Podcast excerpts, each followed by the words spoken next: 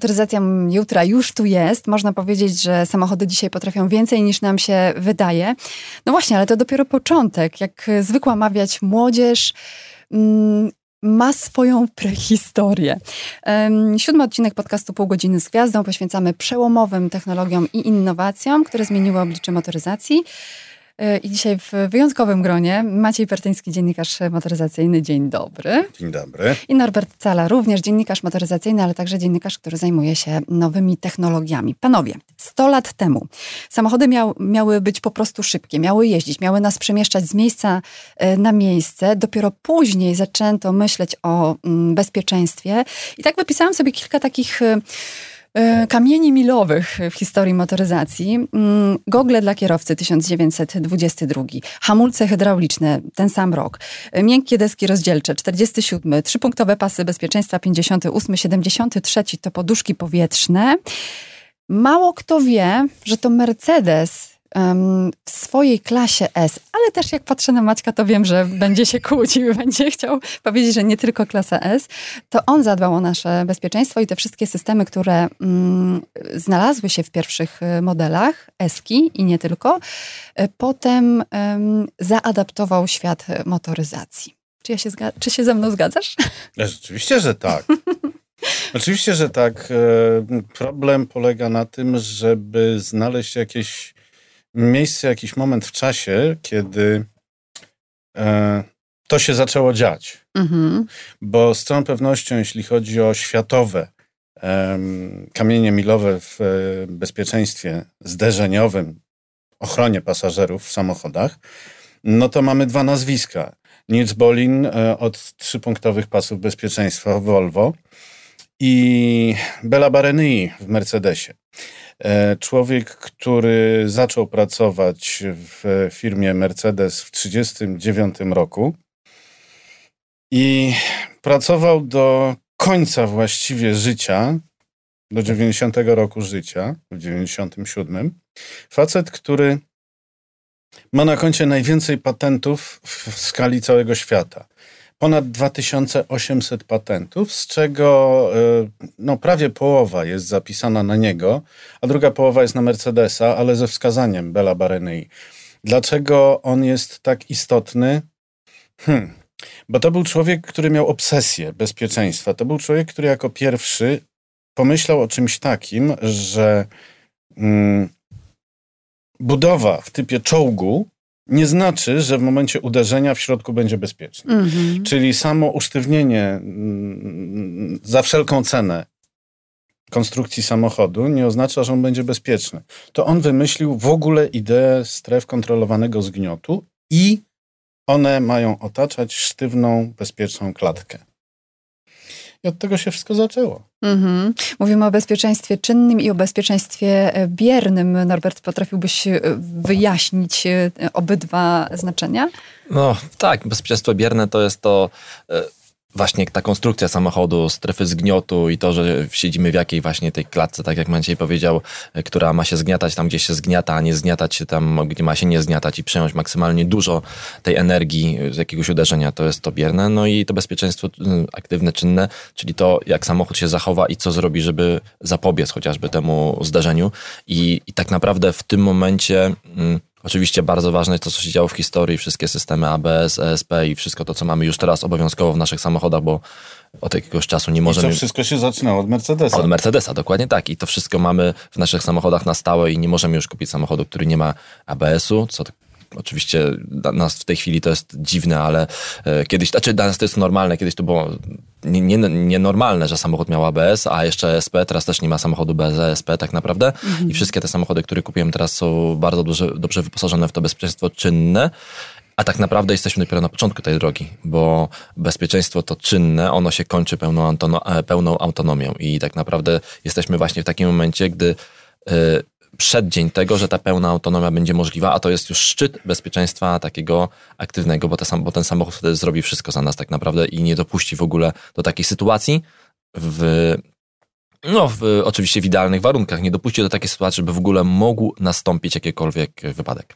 Tak sobie myślę, że o przyszłości to jeszcze będzie czas, żeby porozmawiać. Ale ja bym się na... chciał od razu pokłócić, bo to jest absolutnie niemożliwa fikcja. No, słucham cię. Bo y, coś takiego jak pełna autonomia ze strony środków transportu jest możliwa tylko w zamkniętym układzie odniesienia, mhm. w którym nie występuje y, pijany y, kierowca, kierowca, pijany e, pieszy, e, wściekły lis, ani głupi łoś. Mm-hmm. Nie mówiąc już o wyjątkowo uprzejmym kierowcy tira, który cię nie przepuści. Mm-hmm. Nie, więc to wszystko bardzo pięknie brzmi. Ja jestem fanatycznym zwolennikiem systemów wsparcia kierowcy. Ale nie pełnej autonomii. Ale absolutnie nie autonomia, autonomia tylko w sensie takim, jak to Szwedzi proponują, czyli jeden oddzielony starannie pas, po którym jadą autonomicznie ciężarówki, koniec, kropka. Norbert się nie zgadza. Ja się nie zgadzam, pewnie to idzie w innym kierunku, bo chciałaś, chcia, chcia, chciałaś mówić o tym później. Tak, za dużo okoliczności to na pewno, aczkolwiek e, w tej chwili po prostu nasz mózg e, nie potrafi myśleć i analizować tak wielu czynników, jak potrafi robić to maszyna. Mhm. E, I po prostu w niektórych sytuacjach samochód, będąc wyposażony w bardzo dużo radarów, laserów, kamer i we wszystko bardzo dużo urządzeń, mhm. które analizuje otoczenie, robi to szybciej niż my. Ależ oczywiście. I po prostu potrafi e, zareagować na pewne rzeczy, czyli na przykład na lisa albo na pijanego kierowcę, bo potrafi zareagować wcześniej, ponieważ uczy się, jest coś takiego właśnie jak uczenie maszynowe, te urządzenia się uczą różnych zachowań i potrafią wyczuć wcześniej jakąś niebezpieczną sytuację. Skanują czyli, całe otoczenie. I potrafią przewidzieć ciutkę przed nami, o tym, że coś się wydarzy. Mhm. Można w internecie znaleźć dużo filmików, jak samochody e, jadą sobie i wykrywają zderzenie, cztery samochody do przodu przed nim, zanim to zdarzenie dojdzie do e, skutku. Czyli samochód jadać, już zaczyna hamować, już przygotowuje wszystkie systemy swoje pod to, że może być zderzenie, a zdarzenie następuje trzy samochody do przodu, ten samochód zareagował wcześniej, zanim jakikolwiek kierowca zdążył cokolwiek Poza tym myślę, że to jest nie... na inny odcinek. Wróćmy, słuchajcie, do, do przeszłości, bo myślę, że na temat przeszłości będziemy mogli potem skonstruować sobie teraźniejszość i przyszłość, która przed nami, więc powiedzmy troszeczkę o tych technologiach, które zmieniły oblicze motoryzacji i w jaki sposób one zmieniły y, oblicze motoryzacji. Na przykładzie e, klasy S, która wprowadzała różnego rodzaju e, ułatwienia i unowocześnienia, do których na początku było nam trudno się przyzwyczaić, a potem mm, traktowaliśmy je jako, jako normę już właściwie. Oczywistość. Nie, nie zauważaliśmy. Mhm. No z tym, że y, ty się upierasz przy tym, żeby to była klasa S, która według y, nawet źródeł Mercedesa zaczęła się w 72 trzecim z mhm. modelem W116, ale to dlatego, że Mercedes wówczas nazwał całą klasę samochodów klasą S. Mhm. Natomiast auta z literą S w nazwie e, występowały już dużo wcześniej, od 56 mniej więcej roku, czyli w tak garażu stał taki duży jeden. ponton. Mhm. A duży ponton to był pierwszy samochód, który miał strefy kontrolowanego zgniotu z przodu i z tyłu. Gramy dalej. Tak jest, proszę bardzo. No i o to chodzi, i o to chodzi. E, dokładnie o to chodzi. To były samochody, to były nośniki prestiżu, to jest oczywiste. Mm, sama gwiazdka trójramienna jest wystarczającym nośnikiem prestiżu, a co dopiero, kiedy e, taka marka, tak prestiżowa marka, nagle obwieszczała, pokazując wszemi wobec, e, to szło w kinach, w telewizji, jak no, w tamtych czasach było trudno z telewizją, niemniej te filmy były pokazywane wszemi wobec jak wygląda kabina samochodu marki Mercedes, e, uderzonego z przodu czy z tyłu mhm. i jak wyglądają pasażerowie takiego samochodu i jak wyglądają pasażerowie i samochody innego typu. Mhm. E, różnica była tak wyraźnie zauważalna, że nikt nie miał wątpliwości i to był ten moment w połowie lat 60. dokładnie, kiedy cały świat przyjął do wiadomości, że to, co wymyślił Mercedes e, i co tak bardzo podchwyciło natychmiast Volvo, drugi wzorzec przecież, mm, należy przyjąć jako standard. Mhm. Należy przyjąć jako standard z prostego powodu. Bezpieczeństwo zaczyna się w tym momencie, kiedy mm, to, co otacza pasażerów, jest w stanie rozproszyć energię uderzenia. Mhm. I to wszystko. Mówimy... A czy to będzie się nazywało klasa S czy inaczej, to jest zupełnie inna historia. Wiedziałam, że będziesz się czepiał. Nie, to nie chodzi o czepianie się, bo, bo to jest e, kwestia chronologii. Jeżeli przed W116 e, pojawiły się takie rzeczy jak najpierw to, co wspomniałaś, mhm. miękka tapicerka deski rozdzielczej, miękki, miękki środek kierownicy, Cały czas mówimy o tym, co sugerował Bela Barynyi mm -hmm. od 1939 roku. Zaraz do tego wrócę. E, natomiast, e, a jeszcze e, składająca się teleskopowo kolumna kierownicy w czasie uderzenia. To są rzeczy, które przed W116 były. Mm -hmm. e, bo Mercedes się nie zaczął w 72 No nie, roku. no jasne, że nie. I, I obsesja na punkcie bezpieczeństwa się nie zaczęła w 72 roku. E, Wrócę do tego początku, bo wychodzi na to, że nie Bela Barenyi jako taki był najważniejszy, tylko e, doktor, chyba Wilhelm Haspel on się nazywał, wiceprezes Mercedesa w 1939 roku, e, ekonomista, żeby było śmiesznie, ale ekonomista, który potrafił zrozumieć, że spotkał geniusza. Mhm. E, przyszedł do niego Bela Barenyi, który miał wtedy 31 lat i był e, słynny z tego, że jest geniuszem, ale nikt nie jest w stanie z nim pracować. E, miał za sobą pracę w najważniejszych... To z e, geniuszami. Tak, w najważniejszych e, firmach motoryzacyjnych Europy. Nigdzie nie zagrzał miejsca dłużej niż rok. On przyszedł, przypadkiem się spotkał z panem wiceprezesem i mu powiedział zupełnie jak dużo, dużo później Niki Lauda w Ferrari, robicie do bani te samochody, co z tego, że one są prestiżowe. Mm-hmm. I przez Powinny pół godziny mu wyliczał, co trzeba zmienić w samochodzie, żeby było bezpiecznie. Mm-hmm. I pan Haspel e, jest w tym momencie dla mnie bogiem bezpieczeństwa, ponieważ on rozpoznał geniusza, nie tylko go zatrudnił, ale stworzył również ekipę wokół Barenyjego, której głównym zadaniem było, teraz uważajcie, każdy nowy pomysł pana Barenyjego zgłaszać do Urzędu Patentowego. Mm-hmm. I tych e, patentów 2800 na, na przez ponad 2000. 39 do 96. No, kawałek czasu pracował. No tak, ale od niego się zaczęło, a potem były ABS i dlatego ta... Ależ oczywiście, tylko że wiesz, ABS czy ESP do czegoś trzeba przyczepić. Mhm. To coś najpierw musi istnieć mhm. i jeździć prawidłowo i trzymać się drogi i skręcać i hamować. Mhm. I oczywiście ABS, który notabene powstał w latach 30., żeby było śmiesznie, nie w Mercedesie. Nie. ABS jako idea powstał w e, Heinklu, E, produkującym bombowce, ponieważ e, bombowce miały pewne trudności z wyhamowaniem po wylądowaniu. Mhm. Wiele w motoryzacji mamy technologii, która przyszła z lotnictwa, Oczywiście, więc to tak. takie zapożyczenia są. Tak. Ale ABS na pewno jest tym jednym z kroków milowych bezpieczeństwa. No bo... oczywiście, to jest jeden z najważniejszych w ogóle pomysłów na, na bezpieczeństwo. Bo tak naprawdę zdejmuje z człowieka to, to, to, to, to e, to coś, czego normalny człowiek w skrajnej sytuacji nie potrafi opanować, czyli nie potrafi opanować swoich, to powiedziałaś, emocji mm. i, i, strachu. I normalną rzeczą, jak człowiek się e, jest, e, chce uniknąć zderzenia, jest to, że depie po hamulcach z całej siły i... I zamknie oczy i trzyma się kurczowo. Dokładnie tak. tak. I wtedy... I wtedy, Ale i wtedy... przede wszystkim ten moment y, na zastanowienie się, co zrobić. Jest, tak. I do tego trzeba bardzo, żeby to robić bez ABS-u, trzeba mieć bardzo dużo doświadczenia i tylko najlepsi kierowcy potrafią w skrajnych sytuacjach na tyle się opanować, że potrafią, i, i bardzo takich kierowców oczywiście jest, potrafią opanować samochód bez ABS-u, ale dla normalnego, zwykłego kierowcy ABS był totalnym przełomem. Y, ciężko w tej chwili określić, ile życiu uratował. Mm -hmm. Tak samo jak przełomem był była, były czołowe poduszki, które już dzisiaj właściwie e, w każdym samochodzie. No, trudno sobie wyobrazić. Nie, można, nie, nie, nie można, nie można na rynek wypuścić samochodu, który nie ma poduszek. One pojawiły się w generacji 126. Czy... Ale w 116 były po raz pierwszy. W 116 po raz pierwszy się pojawiły, mm -hmm. tak, to prawda. A potem. Tylko nie na rynku jeszcze. Mm-hmm, a potem e, adaptacyjny tempomat, seria 220 i predykty, predyktycyjny system chroniący e, podróżujących. Na czym e, polega ten fenomen?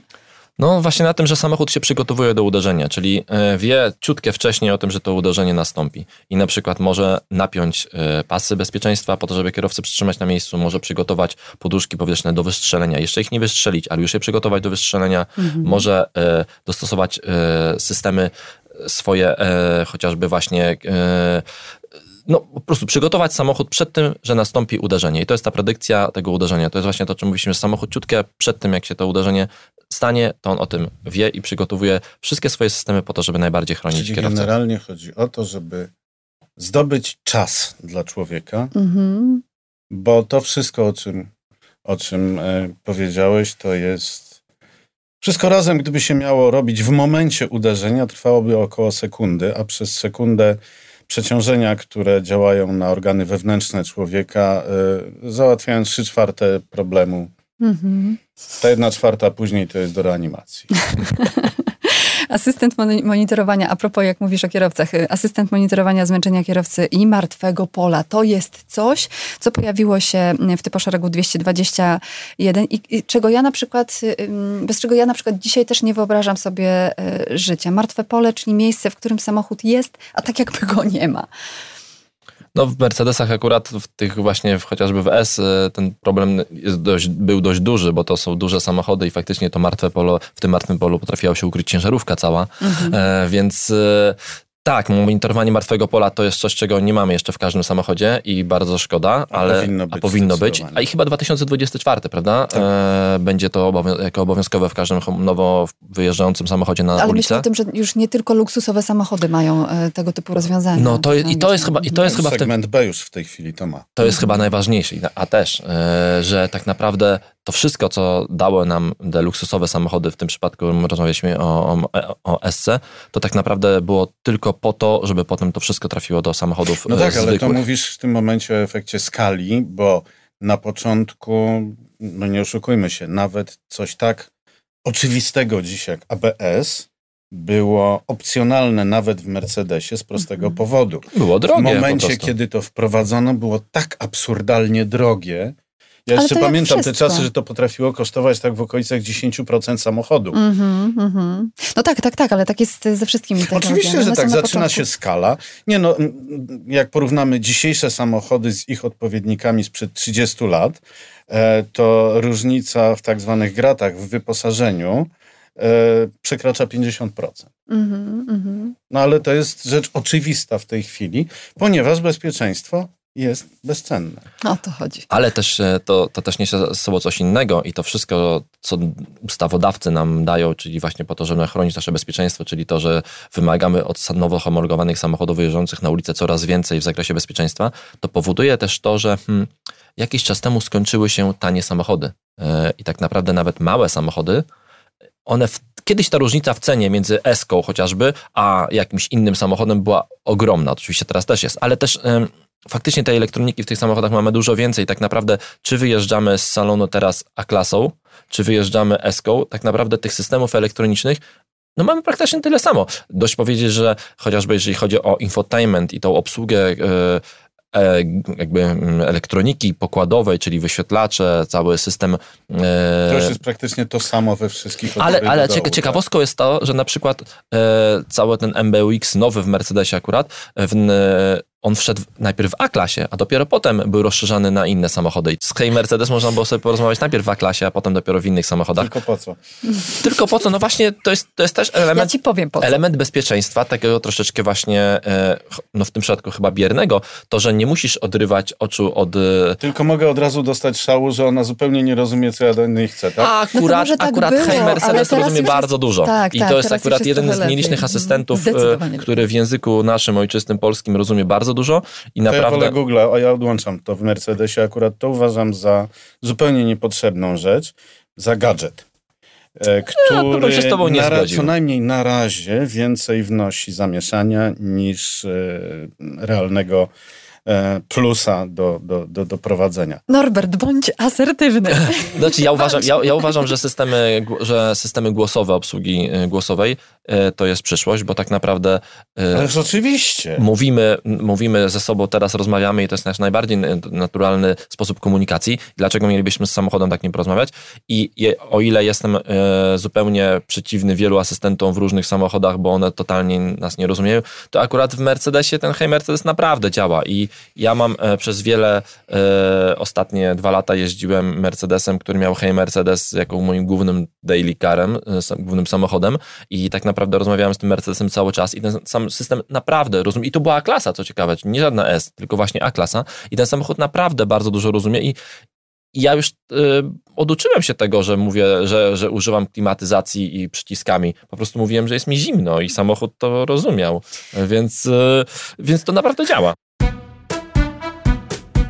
Panowie, nowa klasa S, bo y, widzę, że o historii to już y, średnio mamy czas na to, żeby porozmawiać. Chociaż y, rzeczywiście klasa S y, wprowadza różne, różnego rodzaju ułatwienia i nowe technologie. To jest jakby ich, y, wpisane w ich DNA, w klasę S.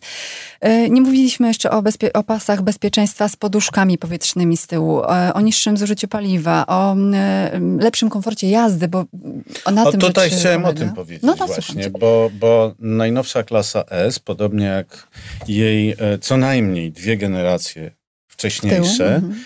e, ma aktywny układ jezdny. Mhm. Aktywny w sensie, że nie tylko reaguje, w sensie reaktywny, on jest proaktywny, co jest dla mnie fenomenem naprawdę. E, tam jest system kamer i czujników, które skanują drogę przed mhm i dostosowują się do y, trójwymiarowego obrazu, który sobie tworzą. W tym sensie, że jak koło najeżdża na nierówność, to e, zarówno pneumatyczny miech, który jest do resorowania, jak i amortyzator, który ma powstrzymywać niepotrzebne ruchy, są już w odpowiedni sposób dostrojone do tego, jaki będzie zakres pionowego ruchu koła i e, na ile to będzie gwałtowne. Mhm. W związku z czym, mm, no ja to od bardzo dawna mówię, że e, pewnych rzeczy się nie da w żaden sposób zakłamać. Od co najmniej 10 lat e, jazda Mercedesem klasy S przy pełnej aktywnej pneumatyce to jest prawie że lot na latającym dywanie. Mhm, widzisz po czym jedziesz, ale nic o tym nie wiesz i po mhm. to się robi luksusowe auta. To się nazywa klasa S.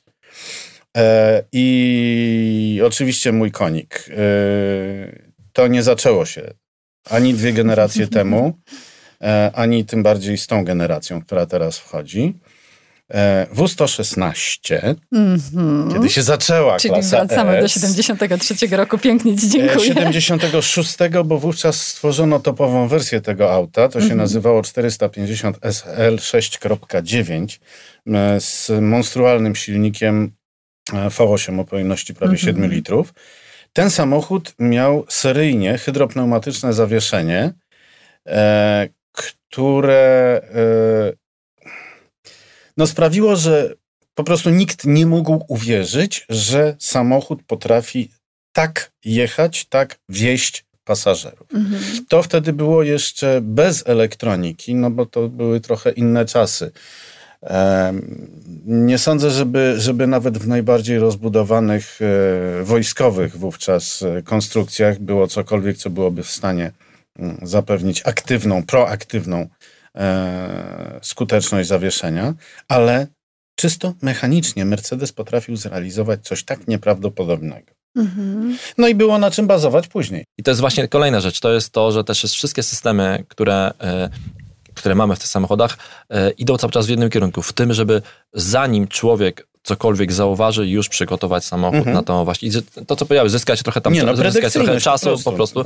No ale w Essce przede wszystkim, e, no w nowej Essce mamy no, to, co, o czym rozmawialiśmy, trochę no, gdzieś chciałeś ze mną kłócić o to, że nie lubisz tego, czyli mamy przygotowany do pełnej autonomii. Ten samochód w standardzie będzie miał ale autonomię poziomu ja trzeciego, czyli będzie mógł, autonomiczne, będzie mógł jeździć po autostradzie. w autonomiczne samochody. I to nie chodzi o religię.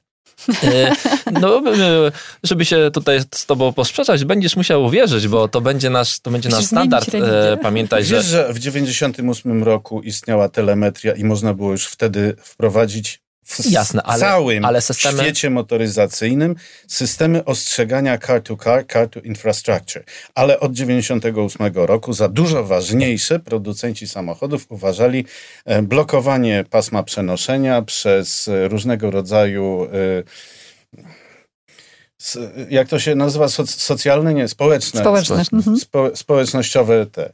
No, no ale, y ale może chodziło o to, że potrzebny był um, czas na to, żeby przygotować to przez samochód dla, autonomii. dla autonomii, dla pełnej autonomii nie było pod, to nie był potrzebny czas. Dla pełnej autonomii albo autonomii przynajmniej poziomu trzeciego, czyli po autostradzie jedziemy e, bez, bez rąk na kierownicy i możemy sobie faktycznie oderwać wzrok od, e, od drogi, była potrzebna moc obliczeniowa. Moc mhm. obliczeniowa, której, której brakowało. W tej chwili moc obliczeniowa jest na tyle duża, że można sobie na to pozwolić i tak naprawdę mm, pierwsze systemy, pierwsze samochody w pełni autonomiczne, w pełni, czyli jeżdżące bez kierowcy, który nie musi robić nic, e, będą jeździły jeszcze w tym albo na początku przyszłego roku. Oczywiście nie w Polsce, nie w Niemczech, tylko chociażby po Kalifornii i to nie będzie Mercedes, e, tylko Tesla, ale te samochody są w pełni autonomiczne. Trzy lata temu pierwszy raz się zdarzyło, że autonomicznie, chociaż pod nadzorem, Samochód przejechał z Las Vegas do Nowego Jorku. Y, nie był to Mercedes, ale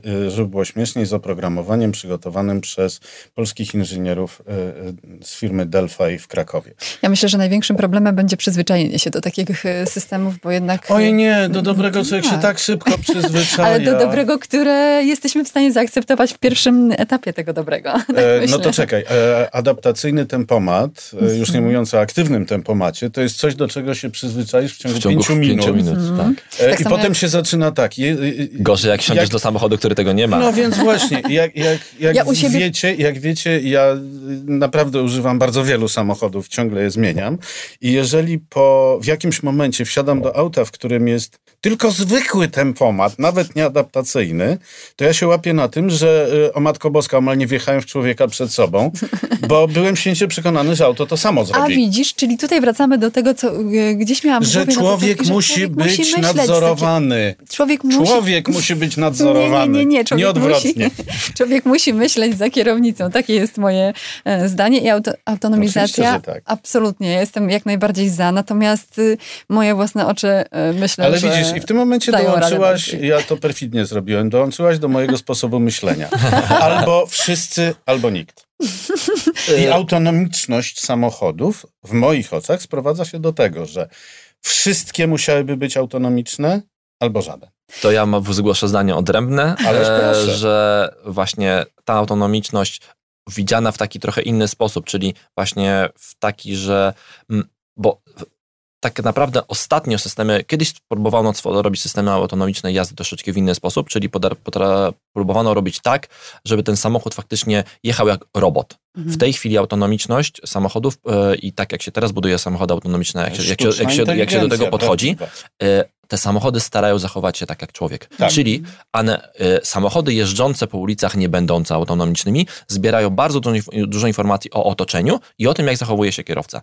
I w tym momencie, jak ty jedziesz, samochod, jedziesz samochodem, kierujesz samochodem i widzisz y, czarnego kota na poboczu, to zwolnisz troszeczkę. Mhm.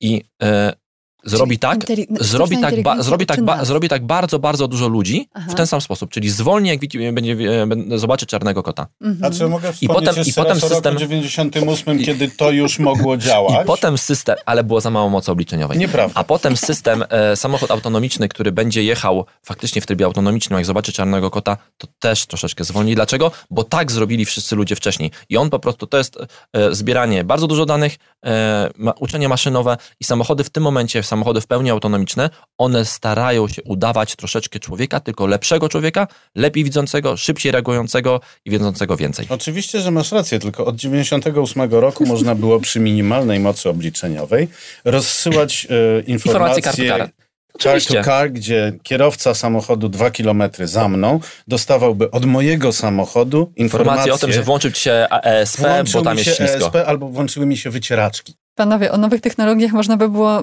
mnóstwo godzin jeszcze rozmawiać. Mamy już mało czasu, a ja na pewno chciałabym zauważyć tę rozszerzoną rzeczywistość w nawigacji, która jest absolutnie rewelacyjna moim zdaniem. Widziałam samochód oczywiście tylko na razie na prezentacji Mercedesa nowej klasy S, e, ale jestem pod dużym wrażeniem, że to wszystko dzieje się przed moimi oczyma, i to wszystko dzieje się e, w taki sposób, że ja po pierwsze wiem jak skręcić, wiem gdzie skręcić, wiem e, kiedy skręcić, widzę wszystko idealnie e, i nie przeszkadza mi to w jeździe, e, czego nie można powiedzieć o wszystkich No to jest znowu, znowu, znowu technologia e, z lotnictwa, bo mhm. piloci z samolotów mieli właśnie head-up displaye i widzieli wszystko właśnie przed oczami naniesione troszeczkę na to, co na otoczenie, właśnie po to, żeby totalnie nie odrywać oczu od od tego, co na, na to muszą patrzeć. W samolotach jest to było jeszcze bardziej istotne, bo tam trochę szybkości większe Mhm. i w polu walki e, naprawdę nie można było patrzeć na przyrządy. I tak naprawdę przenosi to do samochodów. Head-up displaye mamy od jakiegoś czasu w samochodach. W SC, ten head-up, nowej SC head-up display, tak jak ty widzieliśmy to tylko na statycznej prezentacji, przynajmniej ja, nie wiem czy ty Mhm. widziałeś w czasie Mhm. jazdy. E, Nie, w czasie jazdy nie. E. No będzie musiało to robić niesamowite wrażenie. W Mercedesach mamy troszeczkę poszerzonej rzeczywistości już w tej chwili. klasie. E, W różnych, i w A-klasie, no nie tylko w A-klasie, w całym, w wielu Mercedesach z MBUX-em nowym Mhm. jest poszerzona rzeczywistość tylko na ekranach przed kierowcą, czyli pokazuje się na przykład nawigacja naniesiona na, na drogę, na którą jedziemy. W SC nowej idzie to jeszcze krok do przodu, czyli będziemy to widzieli po prostu na ekranie, na którym się wyświetli wszystko. E, Jestem tego niesamowicie cie- ciekaw, tak samo jak jestem ciekaw w ogóle, bo nie powiedzieliśmy o jednej rzeczy, No. która według mnie w ogóle e, jak się zmienia w ciągu ostatnich e, 10 czy 15 lat, to jest niesamowita rzecz, czyli o światłach do, e, do jazdy O, samochodem. tak. Ostatnio przejechałem się samochodem na halogenowych żarówkach.